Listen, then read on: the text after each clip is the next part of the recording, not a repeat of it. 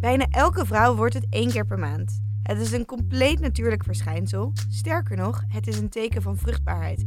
En toch is het een enorm taboe. Om tampons wordt nog zachtjes gevraagd en onder tafel doorgegeven in het openbaar. Dat is echt super raar en volgens mij kan het hartstikke anders. De menstruele cyclus is niet alleen een taboe onderwerp, maar ook reuze interessant. Hoe werkt het precies? En hoe zorg je dat je menstruatie voor je werkt, in plaats van dat je een week per maand uitgeblust op de bank moet liggen, vanwege pijntjes, futloosheid en andere kwaaltjes? Om even lekker tegen het taboe aan te schoppen en het, en het te doorbreken, gaan we het vandaag hebben over menstrueren. Je luistert naar de podcast van bedwork.nl. Mijn naam is Rosa, naast mij zit Lisanne en dit is Bedwork Talks.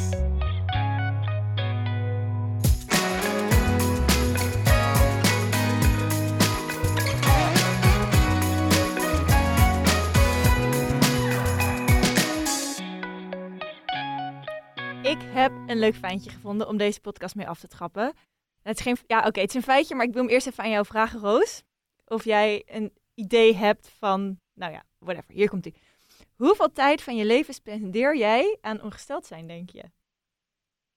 Oh, dat is best lastig. Dan moet ik even rekenen. Ja, het, het is, in, in, het is in principe natuurlijk gewoon een rekensom. Ja. Ben ik niet zo goed in, dus ik zeg gewoon twee jaar. niet. Ik ben beter met tekst. Met woorden. Eh, ik, twee jaar of zo? Geen idee. Ja? Dan een paar jaar, denk ik. Ja, zoiets. Ja, het is 7,4 jaar. Wauw, dat is echt zo lang. Heftig, hè? Helemaal als je nadenkt dat je natuurlijk maar een aantal jaar ongesteld bent in je leven. Ja, Wauw. ja. En eh, nou ja, er was ook Britse berekeningen, daar was het 10 jaar. Dus daar worden de vrouwen ouder, geen idee. Maar in ieder geval, dit, dit was van een berekening van de Universiteit van Utrecht. En ik vond het echt bizar dat je dus zoveel dagen, het zijn 2700 dagen, zoveel dagen van je leven loopt te klooien met tampons, met menstruatiecups. Dat is ook klooien, vooral als je ze nog niet gewend bent. Doorleksituaties weet ik het. Ehm, nou ja, en inderdaad, om al die menstruerende dagen gewoon wat draaglijk te maken en te helpen om het taboe wat erop ligt te doorbreken, hebben we vandaag twee hele toffe gasten, twee dit keer.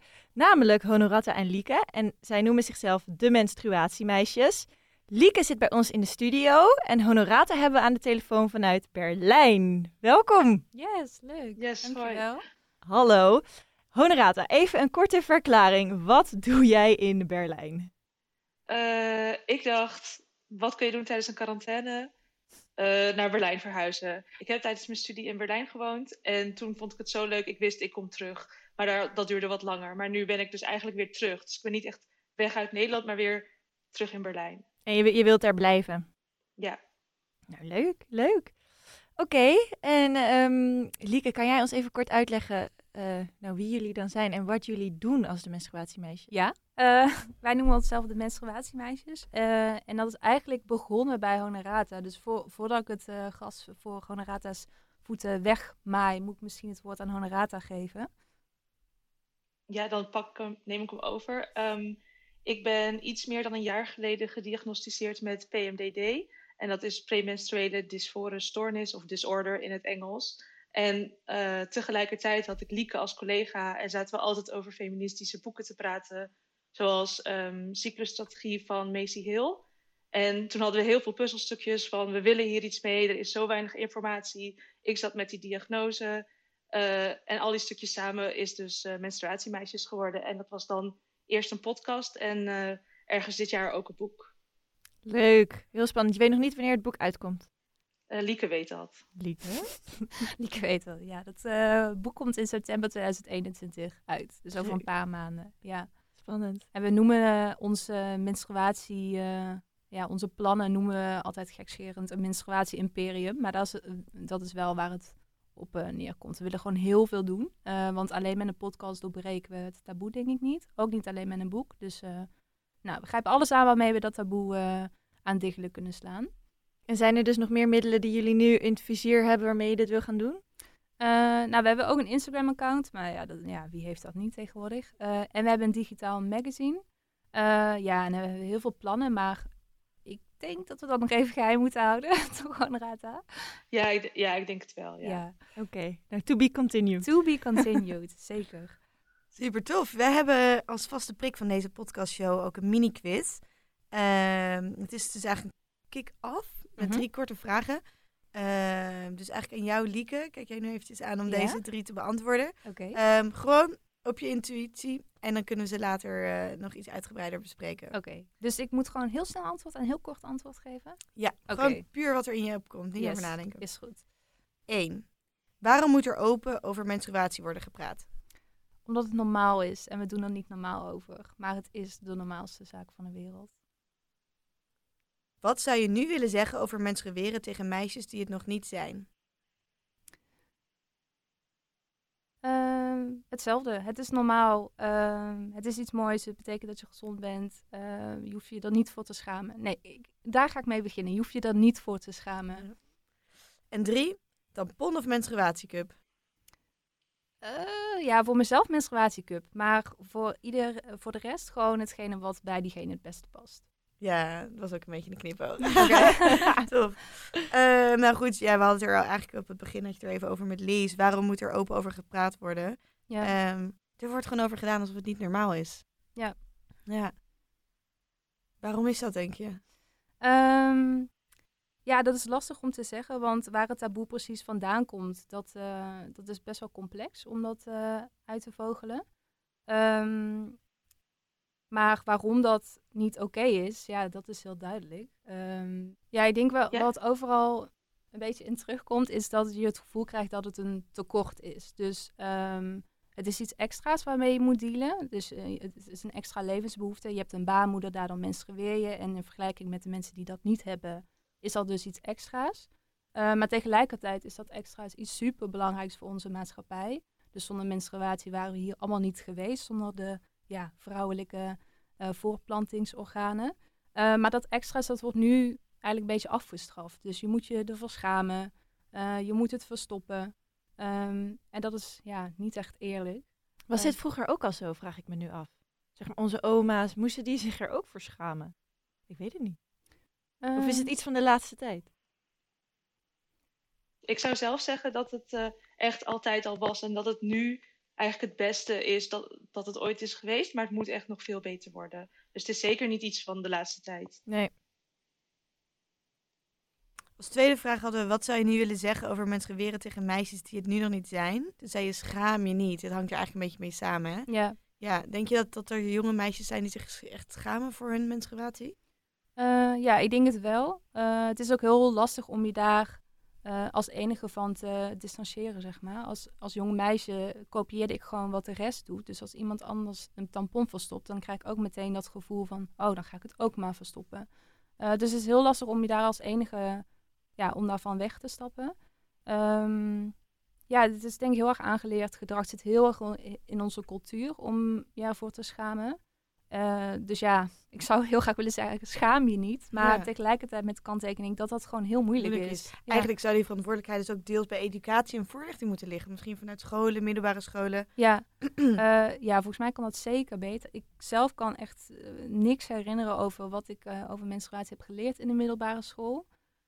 Misschien met biologie gewoon puur hoe het werkt. Ja, maar dat nog niet eens. Mm. Nu moet, ja, biologie was ook niet mijn favoriete vak. Misschien ligt het daaraan. Maar ik kan me gewoon niet herinneren dat ik het ooit over menstruatie, over nou, zelfs de baarmoeder heb gehad. Ehm, en misschien is dat op eh, andere scholen ongetwijfeld beter. Maar ehm, in general kan dat gewoon beter. Want anders hadden we niet te maken met dat taboe. En met jouw ouders? Eh, ja, of ik het daarover had? Ja? Eh, nou, met mijn moeder wel. maar ook niet echt voordat ik ging menstrueren. Dus toen ik voor de eerste keer ongesteld werd, toen was het van... Oké, nou, dit gaan we doen en dit betekent het. Hier heb je maandverband. Eh, maar wat me heel erg bijstaat, is dat het altijd verstopt werd van de rest van het gezin. Ik had ook gewoon een vader en een broer. Maar mijn menstruatieproducten lagen altijd in zo'n badkamerlade, ver weggestopt. En het mocht niet zichtbaar zijn. Als ik mijn maatverband weg ging gooien, dan ging dat om 4000 nachtjes wc-papier, zodat mijn vader en mijn broer dat dan niet zagen. En het is niet dat mijn moeder dat dan letterlijk heeft gezegd van, nou, eh, verstop je maandverband. Maar toch zat dat er heel snel in. Ehm, en nee, ik heb niet zo'n hele uitgebreide gesprekken met mijn moeder daarover gehad. Meer de praktische kant. Dus, eh, oh, je bent doorgelekt? Nou, dan zetten we het wasmachine aan. Dat. Ja. Ja, precies. Maar er werd wel relaxed over gedaan. Door je moeder. Dat scheelt. Mm, ja, nou ja, relaxed. Ja, gewoon praktisch. Ja, ja, precies. Oké. In die A en die N is het soms ook maar praktisch, hè? Ehm, ja, ja voor, voor mij denk ik wel, maar voor, ja, voor anderen minder wellicht. Ja, ik, eh, ik heb zelf niet zo... Ik merk vrij weinig van mijn cyclus. Ehm, maar dat is niet voor iedereen zo. Dus dan kan ik me voorstellen dat, dat, eh, dat menstruatie dan niet slechts iets praktisch is. True. Goed punt. Gaan we deze hele podcast over hebben. Ja. En even kijken hoor. En eh, zelf zei je dat je voorkeur had op een, eh, voor een menstruatiecup dan eh, tampons. Ja. Waarom? Ehm, ja, omdat het gewoon minder gedoe is. Ja, je hoeft hem heel weinig te verwisselen. Ehm, ik heb ook het idee dat het gewoon beter voor mijn vagina is. Nou, ik moet een beetje lachen, omdat ik nog steeds... Ik zei het net al voor, voor deze opname, maar ehm, we willen dat taboe doorbreken. Maar ik ben zelf ook onderdeel van de cultuur, dus soms moet ik ook nog een beetje gniffen als ik eh, het woord vagina zit te roepen. Maar ja, de menstruatiecup, eh, ja, dat is gewoon minder irriterend voor mij in ieder geval. Ehm, en ik lek er minder mee door. Ja, dan zit ik weer toch op dat praktische. En, nou, ik vergeet het bijna, maar door het gebruik van de menstruatiecup ehm, was ik ook meer in touch met mijn eigen lichaam, zeg maar. En dat vond ik heel fijn. Eh, Wat dus, bedoel je? eh, ja, met tampons is zo van, oeh, ga mijn tampon uithalen, ga het niet aanraken, ga het nu gewoon naar, de, naar het prullenbakje verplaatsen. En met een menstruatiecup ehm, Kan je niet om je bloed heen? kan je niet om je bloed heen. Ja. ja. bloed Oh, dit zit is gewoon op je hand. Maar daar ben ik nu zo aan gewend. En nu, ja, ehm, ja, het is ook best wel een operatie om zo'n cup voor de eerste keer in te krijgen. Dus dan moet Ja. je lichaam wel echt leren kennen. En dat vind ik wel heel mooi aan die cup. Ja, ik, wat ik, wat ik, ik gebruik dus ook een menstruatiecup.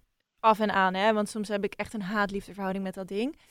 Want dan lukt het weer eens een keer niet goed of whatever. Ja, Eh, maar persoonlijk vind ik het ook heel fijn dat je aan die menstruatiecup enorm goed merkt hoe erg ongesteld je bent, zeg maar. ja, Je, je merkt eigenlijk al heel snel, oh, het is nu echt al zoveel minder dan gisteren. ja. En ook dat geeft me best wel veel inzicht in, in mijn menstruatie, inderdaad. Ja. De heftigheid of zo. Ik had heel erg hetzelfde. Want toen ik eh, nou, 15 was of zo, toen gebruikte ik maandverband. En toen dacht ik echt dat ik liters bloed aan het verliezen was. Omdat in maandverband dan het uitvergroot. verspreidt dat, zeg maar. En ik dacht, nou, wat is dit voor slagveld? Maar met een menstruatiecup zag ik, oh, ik bloed echt It's helemaal niet this. zoveel. Ja, het is eh, een paar milliliter. En Honorata, wat gebruik jij?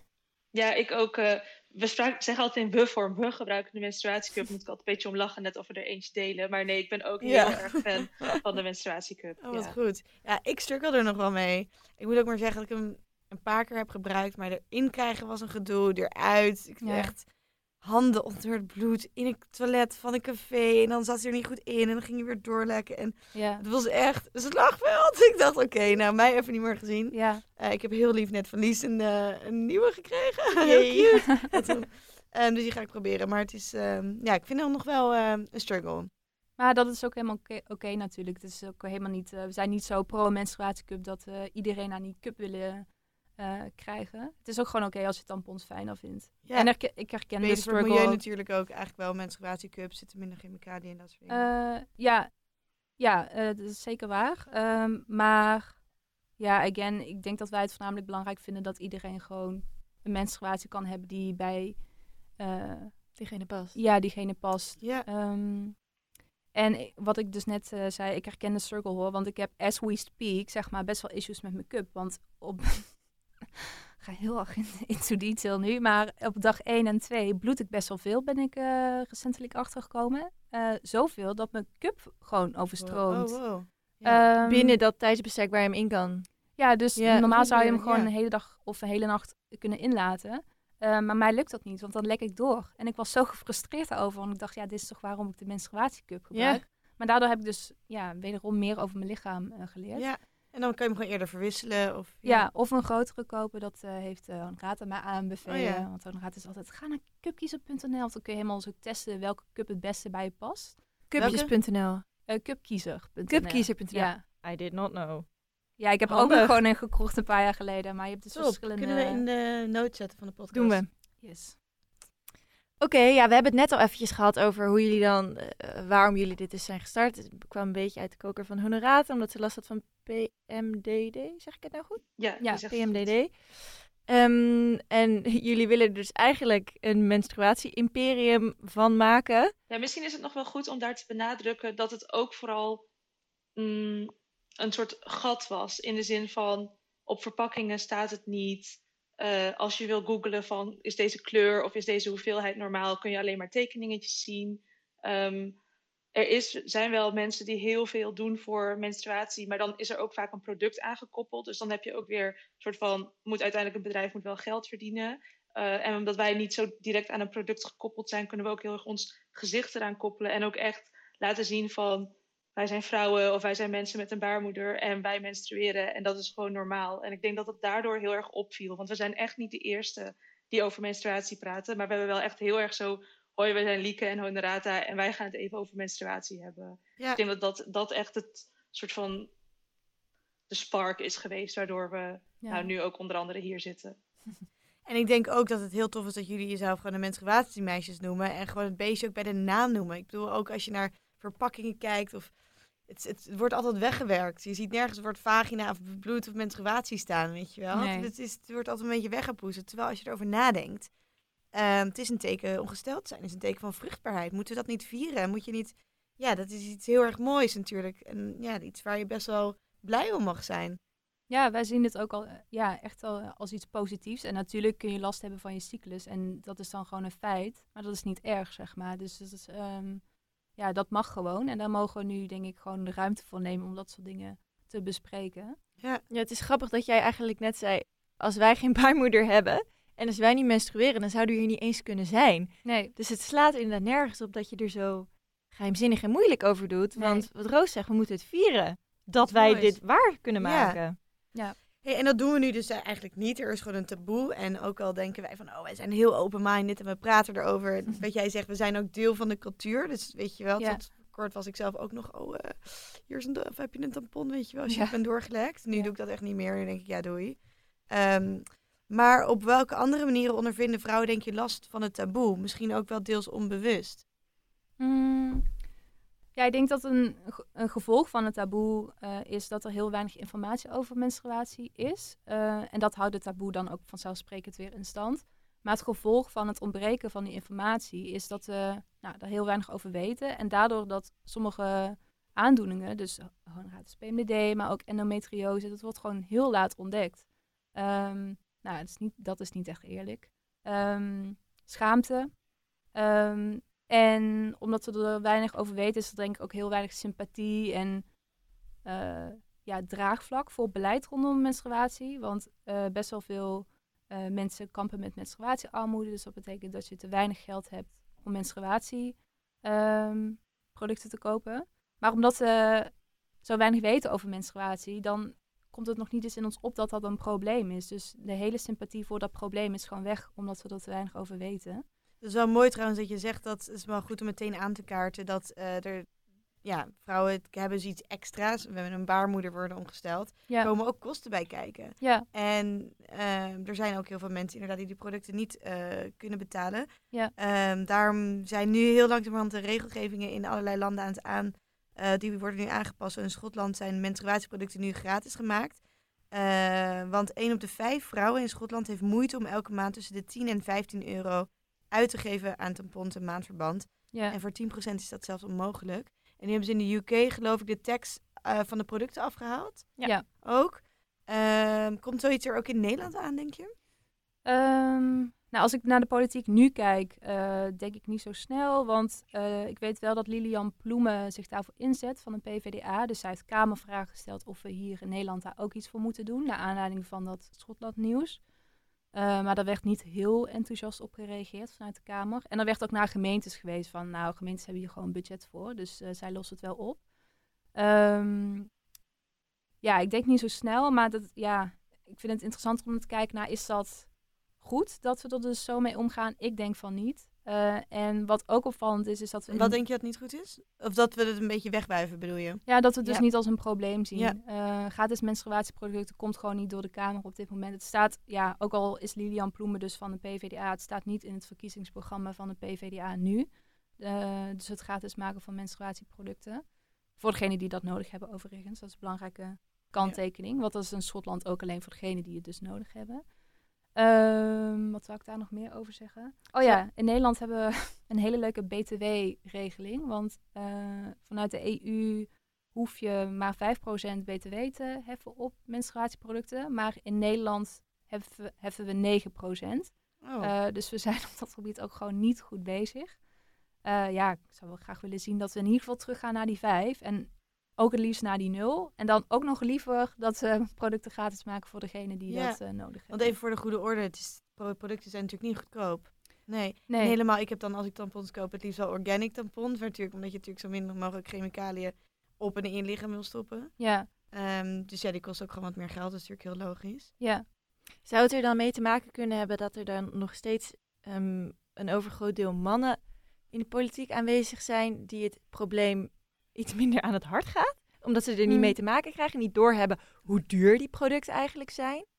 Ehm, ja, dat, dat weet ik niet. Dat zou wel kunnen. Ik ehm, ben op dit moment toevallig een boek daarover aan het lezen. eh, over hoe, waarom het belangrijk is waarom, eh, of dat er meer vrouwen in de politiek komen.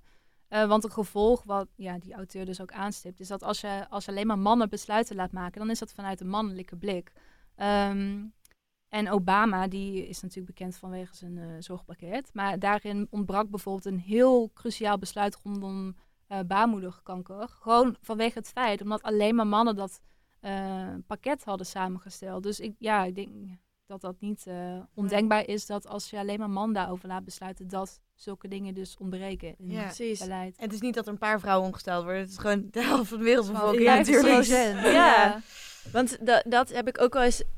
Zo denk ik ook wel eens over het taboe. Van oké, vrouwen krijgen er voornamelijk mee te maken. Bij ons wordt er soms al wel eens lastig gedaan over het feit. Nou ja, wat jij zegt, je hebt het met je moeder over de praktische zaken. En, en voilà, maar je hebt het waarschijnlijk. Ik heb het ook met mijn moeder nooit gehad over dat je bijvoorbeeld bepaalde dingen misschien niet moet doen tijdens je menstruatie. En beter kan laten wachten na je menstruatie, omdat je meer energie hebt, bla bla bla. Mhm. Ehm, laat staan dat ouders het hier met een jongen over hebben. Die krijgt niet te maken met het idee, die denkt bij een menstruatie ergens terecht, vies, want je bloed. Ik bedoel, bloed is natuurlijk ergens gewoon een beetje smerig, andermans bloed. Ehm, dus dat denk ik ook wel eens. Moet er niet gewoon inderdaad klassikaal met en jongens en meisjes over gepraat worden, zodat je als meisje je niet meer voor een jongen hoeft te schamen. Ja, dat nou je absoluut. Ja. ongesteld bent. En wat ik me dus eh, afvroeg, hoe kunnen we dit tegengaan? Wat kan je concreet doen ehm, om ervoor te zorgen dat het niet meer awkward wordt om te praten over menstruatie?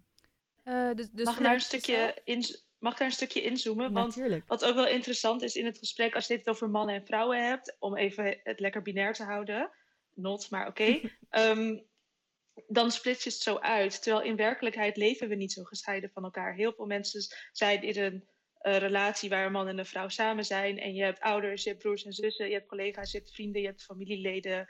Eh, het is allemaal niet zo gescheiden. Dus het is ook niet zo dat alleen vrouwen baat hebben bij eh, gratis menstruatieproducten. Maar stel je voor, je hebt een gezin en je moeder eh, kan dan naar- naar werk omdat ze menstruatieproducten krijgt via een of andere regeling.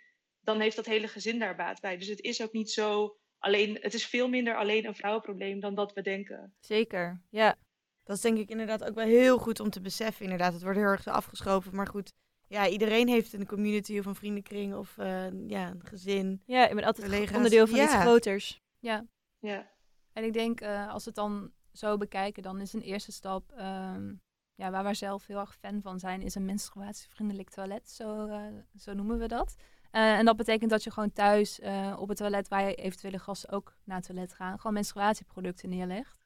Ehm, om te voorkomen dat je gast met een tampon of maatverband of whatever een hele zoektocht door je huis moet afleggen naar een prullenbak. Dus zet een prullenbak neer.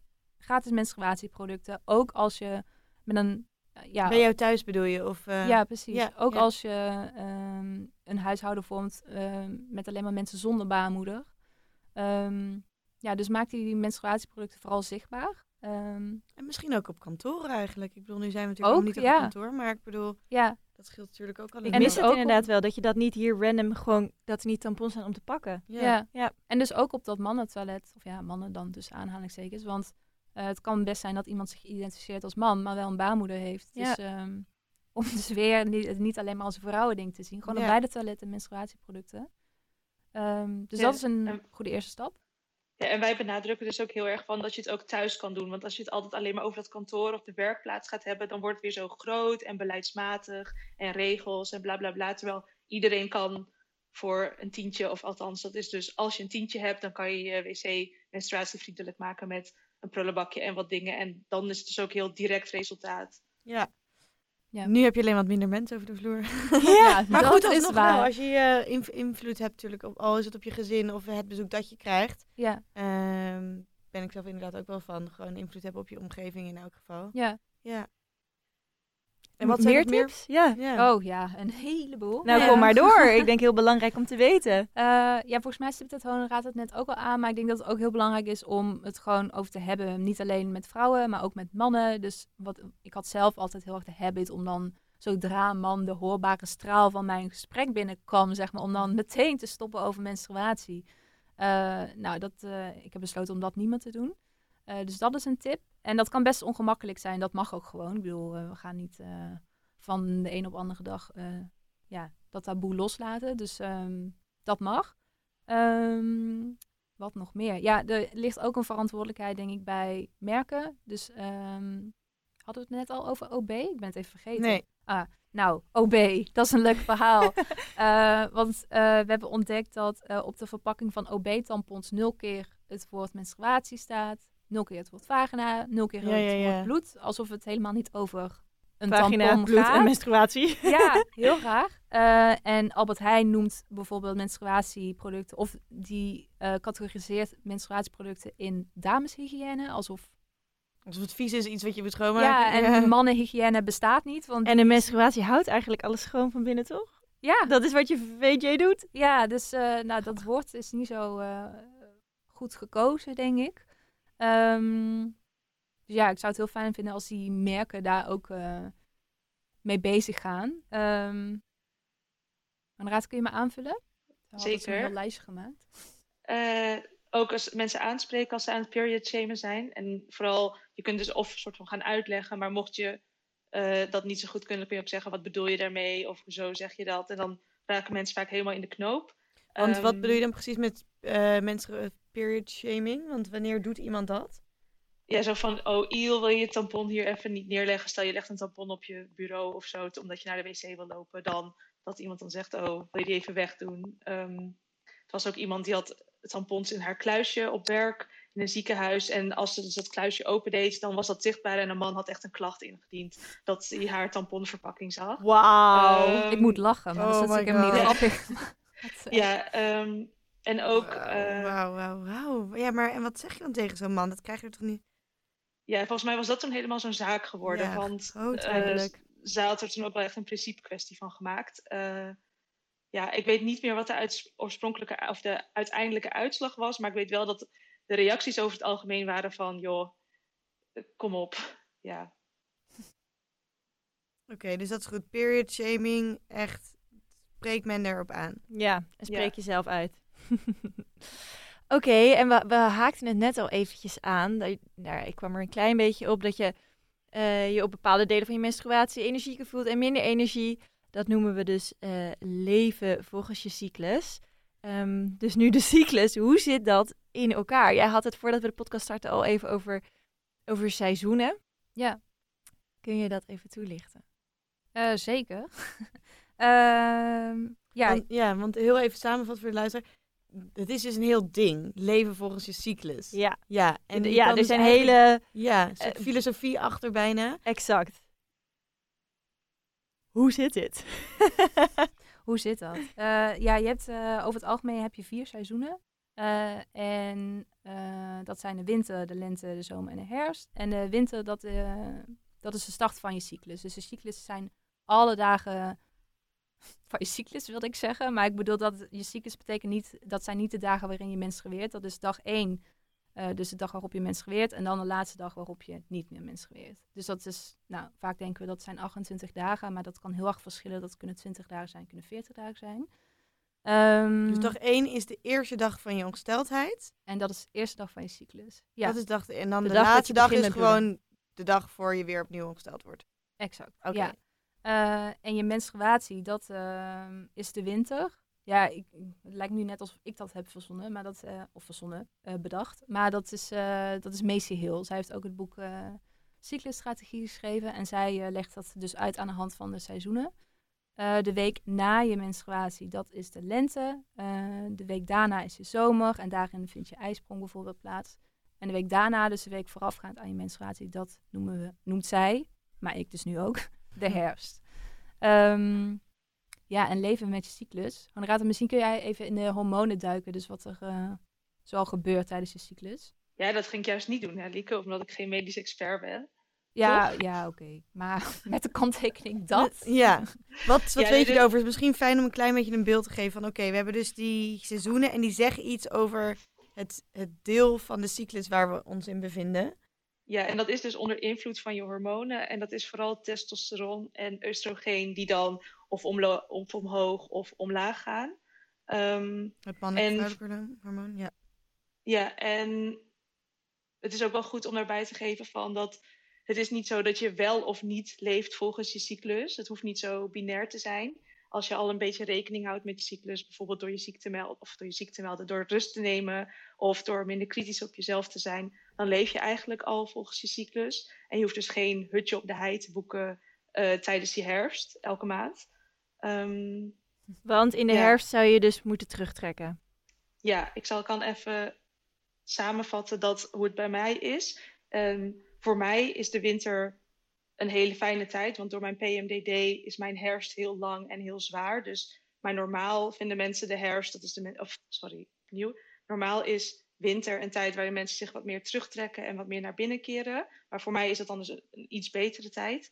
Daarna komt de lente. Ik heb dan altijd honderd ideeën en ik stuur Lieke echt zoveel berichtjes van... oh, zullen we dit doen, zullen we dat doen? En Lieke moet op alles ja zeggen. Ehm, daarna komt de zomer. Dan kan ik gewoon lekker doorzetten, hard werken... Ehm, en dus een paar van die plannen die ik heb verzonnen uitvoeren. En dan komt bij mij dus die, die herfst. Uh, en dan doe ik echt rustig aan. Zorg ik goed voor mezelf. Uh, probeer ik mijn agenda wat leeg te houden als het kan.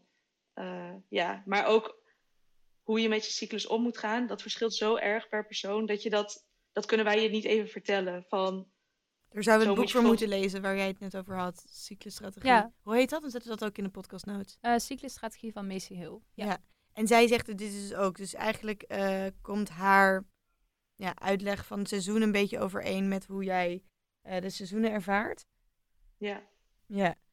Dus het is dan eigenlijk ook uh, handig om jezelf te herkennen van hé, hey, uh, ik heb nu eigenlijk super weinig energie. Misschien moet ik niet nu heel veel plannen maken en allerlei dingen gaan uitvoeren. Maar dat kan ik beter laten wachten voor een aantal weken verder.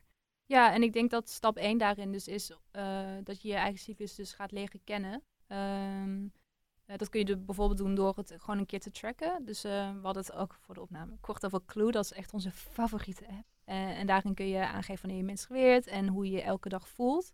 En na drie maanden of zo, dan kan die app aangeven, nou, je cyclus um, lengte is zoveel dagen. Bij mij is dat volgens mij 30 dagen.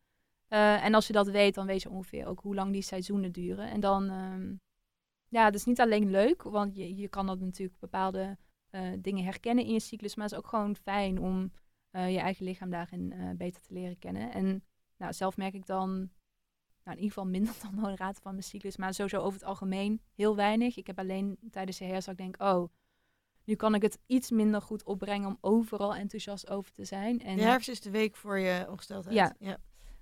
Um, en ja, tijdens mijn menstruatie, dus de winter, vind ik het ook wel fijn om iets rustig aan te doen.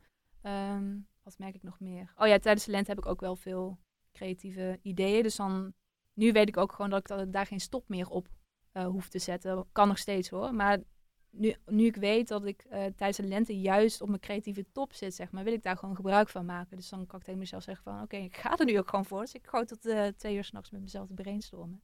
En dat is dan gewoon oké. terwijl ik vroeger, zoiets, ja, zou ik gewoon wanhopig proberen in slaap te raken. Um, dus ja, op die manier hou ik dan rekening met mijn cyclus. En als jullie dan bijvoorbeeld een podcast uitnodiging krijgen, zoals nu, en je zit net in je winter of je herfst, zeg je dan, uh, ja, liever niet. Nou, ik zit nu in mijn zomer, dus I'm doing uh, great. maar misschien kan Ona er lekker iets uh, over zeggen. Ja, ik zit vol in de herfst, maar ik heb ooit...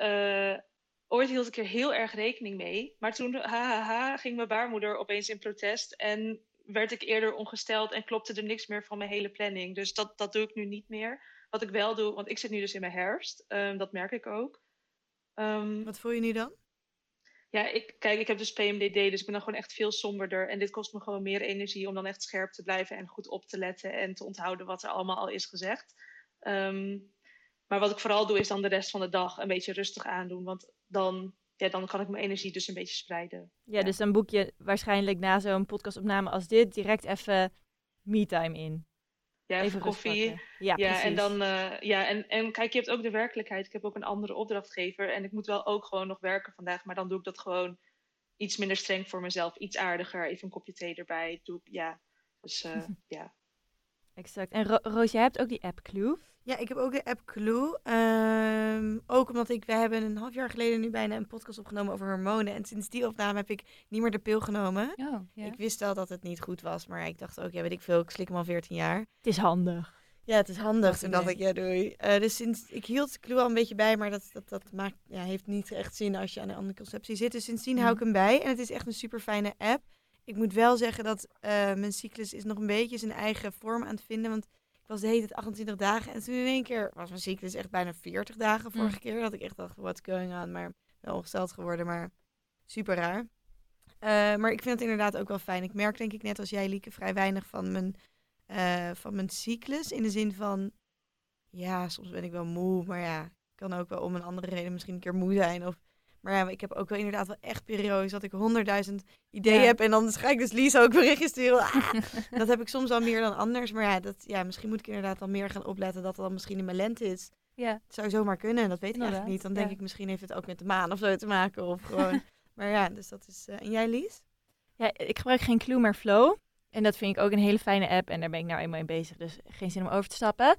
Ehm, maar ja, ik ben ook een tijd geleden gestopt met de pil. Ik denk al een half jaar geleden nu. En ehm, sindsdien dus inderdaad echt gaan tracken. Ook omdat ik dacht, nou ja... Eerst dacht ik ook toen ik stopte, chill, weet je wel. Nu word ik eerst een half jaar niet ongesteld. Nou ja, meteen raak natuurlijk. Direct ongesteld. Na een maand. En, maar ik vond het ook wel weer fijn, want kon ik direct bijhouden. En wat ik... Ik heb niet enorme last van mijn ehm, ongesteldheid. Maar ik merk wel... eh high five honorata. Ik zit nu ook in mijn herfst, blijkbaar. Dat het he- herfst heet. Ehm, eh, maar ik merk dan, als ik bijvoorbeeld een trap oploop... dat het me echt veel meer moeite kost. Dat ik als ik boven ben, dan denk ik zo... pff, was een trap hoor. En als ik dan net ongesteld ben geweest... dan loop ik die trap op en dan denk ik... nou ja, ben een trap opgelopen, prima. Ik voel er niks van. oh, En het is zoiets minuscules, maar daarin merk ik wel dat mijn energielevel lager is. ja. Ehm, en ik ben erop gaan letten, omdat op een gegeven moment daagde het. Toen dacht ik, ja, ik merk het aan die trap, onder andere. Maar inderdaad ook wel aan mijn mindset kan ik het merken dat ik de dagen voordat ik ongesteld moet worden, eh, dingen wel eh, soms een beetje lastig of minder zin in. En dan als ik ongesteld ben geweest, dan denk ik, yes, we're gonna rock this. En eh, alles is leuk. Dat merk ik. Ja, Ja. Wat mij opvalt, wij zeggen ongesteldheid, jullie zeggen menstruatie. ja. Is daarin een verschil? Is er een goed en fout? Eh, nou, dat denk ik niet. We begonnen de podcast eh, alleen maar met het woord menstruatie, want we wilden niet ongesteld zijn zeggen. Omdat dat een, ja, van oudsher heeft dat een negatieve associatie. Oh ja? Omdat het iets betekent als, ja, ik weet het nu niet Niet precies. gesteld. Ja, Ja, dus niet dat je... Ja. Ja, dat je dus niet gesteld bent, dat was vroeger het woord. En het werd ook gewoon door mannen en vrouwen gebruikt als ze zich niet zo goed voelden. Bijvoorbeeld, als ze niet gesteld waren, dan konden ze niet naar werk. Dus ongesteld werd dat toen. Ah, oké. Eh, en toen hebben vrouwen dus zijn het gaan gebruiken voor menstruatie. Maar het is dus eigenlijk in de betekenis zit ook gewoon letterlijk, ja, ik ben niet gesteld. no of way, zo. ik ga Dus, het nu nooit ja, meer zeggen. Ja, wat Ja. grappig. Nou, I did not know. ja, ja, en we hebben het helemaal, een paar afleveringen, volgens mij zeggen we het in onze podcast nog steeds niet, maar in onze, ons boek zal in de titel hebben het woord ongesteld, maar de titel kunnen we nog niet delen.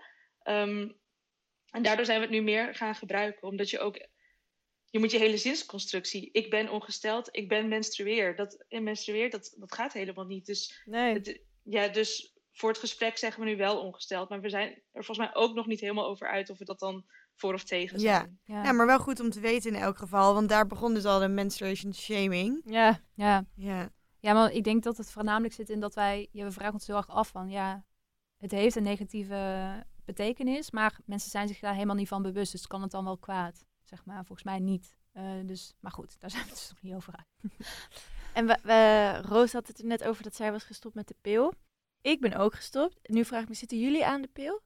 Nou, ik heb dus nog nooit aan een pil gezeten, maar Nee. ik eh, heb eh, als menstruatiemeisje ontdekt dat dat vrij eh, uitzonderlijk is. Eh Andrata, jij hebt wel aan een pil gezeten? Ja, ik heb denk ik iets van tien jaar aan de pil gezeten. Eh, ik ben er afgegaan om te zien of het zou helpen bij mijn PMDD-klachten. Want eh, aan de pil gaan kan het verbeteren of verergeren. Nou, ik ging me beter voelen toen ik stopte met de pil, dus blijkbaar verergde de, de pil het. Eh, dus inmiddels ben ik niet meer aan de pil en ik zou er ook niet meer aan gaan. Nee, want hoe kijken jullie naar de anticonceptiepil toe? Vinden jullie dat wel iets goeds? Of? Mm. Ja, ik, ja, ik zie het niet, meer, niet als iets goeds of slechts. En eh, als het voor jou werkt, dan werkt het. Dus dan, ja, wie ben ik om te zeggen, nou, pil, eh, daar, daar moet je vanaf hoor. Ehm, maar ja, als je daar dus wel iets van merkt, zoals Renata, dan zou ik gewoon adviseren om te proberen om het zonder eh, te doen. Maar je hebt ook verschillende redenen om aan de pil te gaan. Het kan om je menstruatie te reguleren, zeg maar. Dus dat je eh, gewoon kan plannen wanneer je ongesteld wordt. Ik ga nu lekker ongesteld zijn zeggen. Ehm, maar het is ook een anticonceptiemiddel. dus vanuit die perspectieven, ja, ehm, kun je ook nog eh, verschillende beweegredenen hebben. Eh, Ik waar, ik in ieder er- geval, sorry, ga jij nog maar even verder. Waar ik het in ieder geval niet mee eens ben, is eh, het gemak en de snelheid waarmee we in Nederland en waarschijnlijk ook in andere landen die pil de hele tijd voorschrijven. Want het is heel normaal. eh, en nou ja, ik zet wel vraagtekens bij of dat nou echt normaal zou moeten zijn. Dus dat je naar de dokter gaat, oh, ik ben niet eh, regelmatig ongesteld. Nou, hier heb je de pil. Succes, snap je? Dus dat, ja.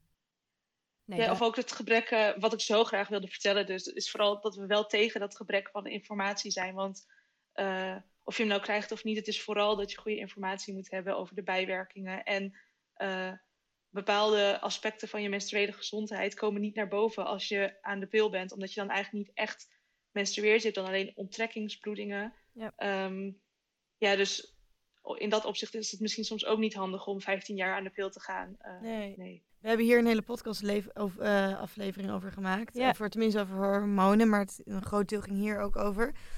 en wij leerden, ik wist dat dus niet, maar als je de pil neemt, denkt jouw lichaam dus constant dat je zwanger bent. Omdat je, Hmm. al je hormoonlevels schieten gewoon omhoog. Dus je lichaam staat eigenlijk in een soort van constante staat van aan. Ja, ja. dat is natuurlijk voor, ja, dat heeft weer heel veel invloed op andere hormonen. Ehm, ja, ik schrok er dus zo van. Gewoon nooit Ik meer ook. pil eh, Ja. genomen. En ik, een ander dingetje wat nu volgens mij nu best wel trending is, is het woord seed cycling. Hm. Zijn jullie er bekend mee? Vast wel.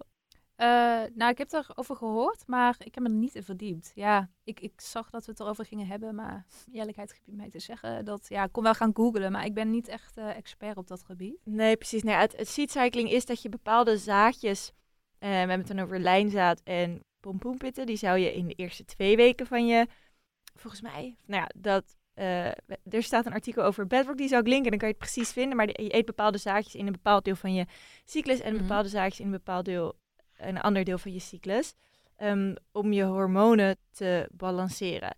En soms denk ik wel eens, oh mijn god, er zijn zo ontzettend veel dingen die we kunnen doen. Ehm, mijn moeder heeft dit nooit gedaan. Nee. Die heeft nooit volgens de cyclus geleefd. En die is ook gewoon een hele gezonde, geweldige vrouw geworden. Waarom maken wij er nu ineens zo'n punt van? Mm, ja, ik denk dat dat deels zit in het eh, gevoel dat we het moeten oplossen. Dus je hebt een tekort en je moet er iets mee, je moet het verbeteren. Dus misschien van, vanuit, eh, vanuit daar is dat geboren. Maar ehm, ja, en als het werkt voor jou, dan go for it, zou ik zeggen. Maar het klinkt voor mij niet als de meest toegankelijke manier om eh, ja, met je menstruatie om te gaan. Eh, het zal wel veel tijd kosten, het zal ook wel niet heel goedkoop zijn. Dus ja, wat ik belangrijker vind, is dat iedereen dan gewoon tampons kan eh, kopen dan dat we met zaadjes. De dingen. Aan de ja, slag gaan. ja. En ik denk ook dat, dat dit, eh, wat jij net zegt, Lies, dat, dat, je, dat, dat je dat kan toepassen op heel veel vlakken als we kijken naar bewust en duurzaam en gezond leven. Van, Ja, oh ja, maar die, die, die eet, eet zijn hele leven, zijn hele leven eet hij al elke dag een kroket en die leeft ook nog prima, weet Ja, je wel? Ik bedoel, ja. Is ook en waar. je kan natuurlijk op een bepaalde manier altijd, denk ik, je leven nog, ja, of voor een manier voor jou, die voor jou werkt, beter of bewuster of weet ik veel, gezonder waar je je goed bij voelt. Gewoon Ja. waar je je goed bij voelt, inderdaad. Ja, En het ligt er misschien ook maar net aan hoe je belangrijk vindt. En hoe, ja, hoe, hoeveel je merkt van je ziektes. Want ik, vind- ik vind dat ook nog wel interessant om het erover te hebben. Ehm, over het, eh, ja, het onderwerp dat er toch een bepaald soort gedrag wordt afgeschoven op je cyclus. Dus of dat nou is door de vrouw zelf die zegt... eh, ja, ik ben nu gewoon even chagrijnig. Of dat je dan ruzie hebt met je vriend. En dan zegt, sorry, ik had normaal gesproken eigenlijk niet echt zo gereageerd. Of met een vriendin of zo. Ehm, maar ook vanaf een ander perspectief, dat er vanaf eh, dat er door een man of weet ik veel anderen wordt oh ben je ongesteld of zo, weet je Ja. Ik vind dat nog zo'n lastig en moeilijk stuk. Hoe kijken jullie daar tegenaan? Ehm, ja, ik denk dat, je, dat jij zelf eigenlijk alleen de enige bent die kan bepalen in hoeverre je cyclus je emoties beïnvloedt. Maar zo'n opmerking, ben je ongesteld of zo, ja, dat, dat werkt gewoon enorm stigmatiserend. Het is niet alsof je tijdens je menstruatie buiten jezelf treedt en dat je je moeder dan, of een moeder, Je baarmoeder. sorry, alsof je baarmoeder dan aan, aan het woord is. Het is niet je baarmoeder die dan spreekt. En eh, je cyclus kan, eh, ja, je cyclus gaat gepaard met eh, verschillende emoties, maar je bent het nog steeds zelf, zeg maar. Dus ik vind het heel kwalijk als ze, alsof we doen dat, eh, ja, het, het alleen maar die menstruatie is die je emoties bepalen. Ehm, ik vind dat ongeacht of je nu menstrueert of niet, gewoon emoties en gedrag serieus moeten nemen. Ehm, Ja, want ook al ben je dus inderdaad, heb je meer hormonen of voel je je die dag van de week. Dat Ja. is ook deel van jou. Honoraat, Ja, hoe kijk jij daar tegenaan? Helemaal als iemand die daar dus waarschijnlijk vaker mee te maken krijgt. Ja, ik, ik denk zelf dat de opmerking ben je ongesteld of zo vaker geroepen wordt gewoon omdat het iets is wat je naar een vrouw kan roepen dan dat het echt daadwerkelijk met iemands menstruatie te maken heeft. Ehm, ja, ik vind vooral stigma heel erg. Dus dat er, eh, je mag er ook geen last van hebben. Dat vind ik ook wel dubbel, want ik ben wel een soort feminist. Dus dan, hoe geef je als feminist toe dat je last hebt van je cyclus? Eh, maar ja, dat, we zijn gewoon niet allemaal hetzelfde, maar we zijn wel allemaal evenveel waard en hebben evenveel recht op dingen. Ehm, Ja, want moet je het toegeven of kan je het ook ownen? Van ja, oké, ik heb het er moeilijk mee. En eh, Ja, ja, ja. eh, ja, ownen heeft weer iets, iets van, oh, ik, ik ben blij dat ik het heb en eh, ik maak er, of, eh, het brengt me unieke dingen, maar het liefst had ik het natuurlijk niet. Hm. Maar ja, ik, ik own het in die zin wel van, ja, ik probeer er mijn beroep van te maken. Dus ja. ja. voor het goede doel wel hoor. Ja. Ja, ik vind het wel een, denk ik, een van de meest typerende menstruatie, period shaming uitspraken die er bestaat, denk ik. ja. Misschien, het, het is ook nog- kutter eigenlijk dan dat je als vrouw een beetje sneaky je tampon aan het doorgeven bent. Dat je gewoon, en ik doe het soms, ik zeg ook wel eens tegen mijn vriend voor de grap, ben je ongesteld of zo, als hij een kutopmerking maakt. Oh, ja. De andere kant op. Maar is het ook niet oké. Nou, ik vind het wel heel leuk dat je dat doet, maar eh, Ja, maar ik snap ook wel dat zeg maar, ehm, als je je echt gewoon anders voelt dan dat je je bijvoorbeeld in je zomer of in je lente voelt, dan kan je dus ook echt anders reageren. En ik kan me ook voorstellen dat dat soms voor frictie of voor onduidelijkheid, want misschien reageer je ook echt anders die week dan dat je normaliter zou reageren. ja, Of normaliter in een, andere, een ander deel van je cyclus, zeg maar, of van die maand. ja. Ehm, zou je dat dan kunnen moeten communiceren misschien? Of is er dan op een bepaalde manier waar je er zelf mee rekening zou kunnen houden? Mm. Nou, waar het eh, op neerkomt, is eigenlijk dat we dus stabiele hormonen, dus degene zonder baarmoeder, dat we dat eigenlijk ehm, dat we dat beter vinden dan niet stabiele hormonen. En ik denk dat ik het daar niet echt mee eens ben, maar het is meer een principiële discussie.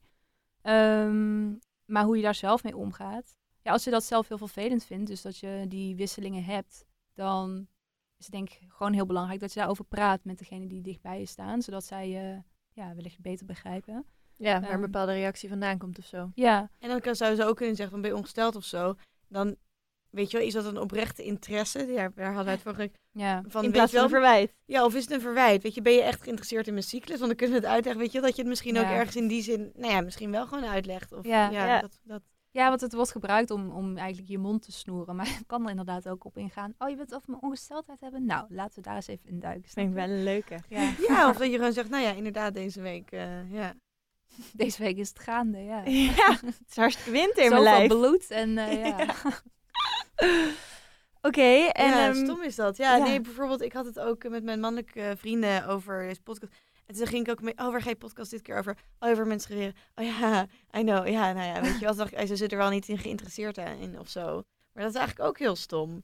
Ben jij er open over verder? Mm, mm, ja, wel, jawel. Ik schaam me er zeker niet voor. En ik heb het er gewoon over als er mannen bij zijn, vrienden bij zijn, zeker. Maar om met hun het hele gesprek helemaal aan... Oh, met feminisme heb ik dat dan wel gedaan, maar menstruatie... heb ik dan toch het gevoel dat het hun minder aangaat of zo. Ja, ze, kunnen, ze snappen dat Had ik voor dit minder. gesprek althans. Nu denk ik wel van, oh ja. Maar dat is... En jij? Ja, ik, ik ben er echt best wel open over. Ik vertel het ook eigenlijk altijd aan mijn vriend. En ik vind het ook heel fijn als mensen weten dat ik ongesteld ben. Ik weet niet waarom.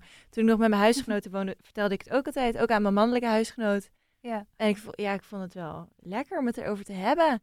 En, maar waar, waar hebben jullie, hebben jullie het dan over? Wat vertel je dan? Dat ik ongesteld ben. Ja? Ehm, soms dat je, waar, waar- dat je daardoor even nergens zin in hebt of zo. Dat je denkt, Ja. dan zei ik ook gewoon, ja, ik heb nergens zin in, maar ik ben ook ongesteld, dus het is ook logisch. Mhm. Soms is het ook een soort van eh, bevestiging dat je denkt, oh ja, dus daardoor eh, heb ik nu gewoon even geen zin om eh, dit of dat te doen of zo. En dan denk je, oh ja, fijn. Ja, wel grappig dat we het ook in de ziektes altijd hebben over... Oh, ongesteld, dus ik ben moe en chagrijnig. huh.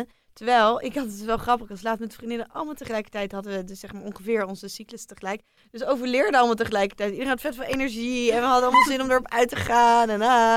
Ja. en toen zat echt eh En dus van mij die- erbij. Oh, die meiden overleren weer. We zeiden ja. Toen hadden jullie het er ook over, jongens, ik zit in mijn overlatiefase, ja, let's iedereen go. had er gewoon zin in. Zo grappig. Dus Oh, dat kan ook. Ja. Ja, dus ik, ja, we moeten gewoon dat twee weken later hebben. Precies, is ook een goeie. Volgende keer als ik je zie, Roos, hebben we het daarover. Mm. Ja, misschien zijn er nog zelf bepaalde tips of soort van praktische, concrete voorbeelden waarvan je kunt zeggen van oké, zo kan je het gesprek aankaarten of zo kan je het minder zwaar of beladen maken. Of ehm, ja, als het, als het ja, onderwerp menstruatieshaming toch wel aan bod komt. Ja. Ehm, nou, misschien goed om me gelijk toe te geven dat ik daar zelf ook nog zoekende in ben. Dus ik vond de tip die Honorata gaf van, nou, stel vooral de vraag terug. Vond ik een goede tip, want ik heb ook gewoon soms geen zin om een heel lecture over seksisme te gaan houden als ik naar mijn hoofd krijg, oh, ben je of zo. Ehm, dus dat vragen werkt heel goed, want dan ehm, ja, ben je zelf in eerste instantie iets passiever en dan kun je gewoon reageren op wat de ander zegt. Ik ben even aan het denken of ik eh, ooit in zo'n situatie. Want als je dan bijvoorbeeld, als iemand zegt ben je ongesteld of zo, en als je zegt waarom zeg je dat, dan zegt ze nou het zou toch kunnen dat je in je eh, dingen zit. In je... Ja, nou Ja. dan zou je dus kunnen zeggen, eh, waarom is dat erg? Snap je? Dus Ja, dat je degene zelf naar, dat, naar de conclusie leidt van, oh ja, dat is eigenlijk een rare vraag dat ik, die ik nu stel. Ehm, Ja, misschien ook eh, klein beginnen. Dus dat je niet opeens bij een soort vage oom die je één keer per jaar ziet, dat je die opeens gaat overhalen van doe normaal over menstruatie. Maar gewoon eerst bij de mensen om je heen, waar ook wat dat de ruimte voor dat gesprek Ja, is. dat is Dat zou ik wel aanraden. En als iedereen dat doet bij de mensen om zich heen, dan wordt uiteindelijk ook die rare oom Ja, eh, ook aangesproken, zeg Ja. maar. Ja. ja. Oké, en ehm, een ander dingetje waar we nog even over willen hebben, en ik denk dat dat ook vooral voor Honorata herkenbaar is, want volgens mij is, is PMDD, dat is een vorm van PMS. Ehm, ja, niet echt. Eh, dat zou zijn alsof je zegt dat soort van migraine een soort vorm van hoofdpijn is. Dus ik, ik doe niet aan die soort van vergelijking, Nee, omdat precies, ik vind dat het de diagnose ja, PMDD heel erg tekort doet. Oké, Ehm, helder. ja. ja. Oké, Maar het heeft wel dezelfde hormonale eh, oorzaak. exact, inderdaad. Ehm, want, want kan je even toelichten wat PMS precies is? Ehm, PMS is een afkorting voor premenstrueel syndroom. En dat gaat dan over lichamelijke klachten, maar ook over mentale klachten. Ehm, zoals een opgeblazen buik of prikkelbaar of somberheid. Ehm, en de diagnose PMS, hoeveel procent van de vrouwen of mensen met een baarmoeder daar last van heeft, dat verschilt van welke definitie je hanteert.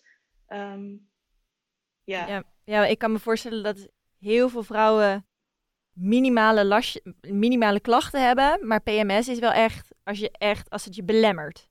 Ja, als Ja. het dus invloed heeft, goed, dat zeg je goed, als het invloed heeft op je leven, dan, eh, dan is het PMS. En hoe, hoe kan het dat de een, eh, jij hebt zelfs PMDD, maar hoe kan het dus dat de een hier veel meer last van heeft dan de ander? Ja, ik, ik- volgens mij is daar geen antwoord op. Ik denk dat we dan de hele, dan zouden we alle ziektes hebben opgelost als we wisten waarom de ene persoon, sorry, Eh, als we wisten waarom de ene persoon iets krijgt en de ander niet. Zo, ik heb PMDD en mijn klachten uiten zich heel geestelijk, maar Lieke heeft het niet en zij heeft soms wat meer lichamelijke pijn. En dat, ja, dat verschilt gewoon per persoon. Ligt gewoon misschien ook aan je hormoonhuishouding. aan Ieder lichaam is anders. Ja. En zijn het er is nog... vooral de, de reactie op de hormonen. Dus je kunt ook PMS en PMDD, je kunt niet een bloedtest doen van, oh, zijn mijn hormonen wel goed? Het is, ik reageer sterker op, Oh ja. op de hormonen. Oh, Ja. Dat is ook interessant om te weten. Ook interessant dat ik dit dus helemaal niet wist. Of jij, ja. Heel goed. Hey, en zijn er dan eh, bepaalde dingen die je kan doen om, eh, die je kan aanpassen in je levensstijl? Zodat die eh, klachten minder erg worden? Bijvoorbeeld in je voeding of je slaap, dat soort dingen? Ik denk dat die dingen vooral heel erg samenhangen. Dat als je goed voor jezelf zorgt, dus goed slaapt, goed eet, beweegt, eh, rust neemt tijdens je PMS, al die dingen helpen elkaar. Maar er is niet, er is niet een one-size-fits-all oplossing. Nee, dus je moet je vooral verdiepen in jouw cyclus. In wat Ja. jij voelt en wat jij nodig hebt. En dus inderdaad voel je je futloos. Ja, En misschien ook gewoon meer. een prioriteit van maken. Van trek Ja. er wat tijd voor uit. Hou het bij Zeker. in een app of in een dagboekje. Ja. En begin En inderdaad daarmee, ja. Ja, en de klachten kunnen ook ehm, afnemen als je er meer ruimte voor geeft. Want als ik dus door mijn PMDD, dus ik heb een beetje last van mijn stem vandaag, is niet handig. Mhm. Als ik door mijn PMDD heen banjer, dan betaal ik daarna later daar de rekening voor. Dus ja, het kan zijn dat je zelfs minder klachten hebt als je meer ruimte ervoor maakt. Ja, geef jezelf eraan over en luister dus naar je lichaam. Ja, Ja, precies. Precies. Oké, nou mooi. Ik hoop dat we heel veel mooie antwoorden hebben gekregen en heel wat menstruerende vrouwen antwoorden hebben kunnen krijgen op hun vragen en dingen waar ze mee zaten. Ehm, met misschien wel als belangrijkste boodschap voor alle jonge meisjes die nog niet ongesteld zijn of menstrueren, luisteren. Schaam je alsjeblieft niet, maar ook voor mensen die al wel al heel lang menstrueren. Ja. En het is, er is gewoon geen reden voor, om je ervoor te schamen. Zie het gewoon inderdaad als iets, als iets normaals en iets moois, want dat is het ook. Ehm Honorata en Liek, ik wil jullie ontzettend bedanken Ja, voor eh, het Ja. inbellen en hier naartoe komen naar de Ja, studio. Super tof, echt fijn. Wij ook. En als onze luisteraars jullie willen volgen, kunnen ze het menstruatiemeisjes op Instagram intikken. Ja. Hoe kunnen ze jullie nog meer vinden? Eh, via onze website, dat is ook www.menstruatiemeisjes.nl. En daar kunnen mensen zich ook eh, aanmelden voor ons magazine. En jullie doen een en podcast. de podcast. Oh ja, de podcast. Ja, je zou het haast vergeten. Ja, eh, die heet ook Menstruatiemeisjes. What a surprise. Eh, Nou, en dat is die, makkelijk. eh, ja, en die staat eh, op elke podcast app. Dus Spotify, Apple. Ja. Super tof. Nou, en als je ons wil volgen, dat kan natuurlijk ook. Dat doe je via Bedrock Magazine op Instagram. Of je kan eh, ja, de website natuurlijk, het magazine zelf lezen, bedrock.nl. Dus hartstikke bedankt, meiden. Ja. Super tof. Thanks dat jullie zo open en eerlijk antwoord wilden Graag geven. gedaan, en ja. Stop de period shaming. Yay. Laten we het vieren. Ja. Oké, bedankt. Tot de volgende keer.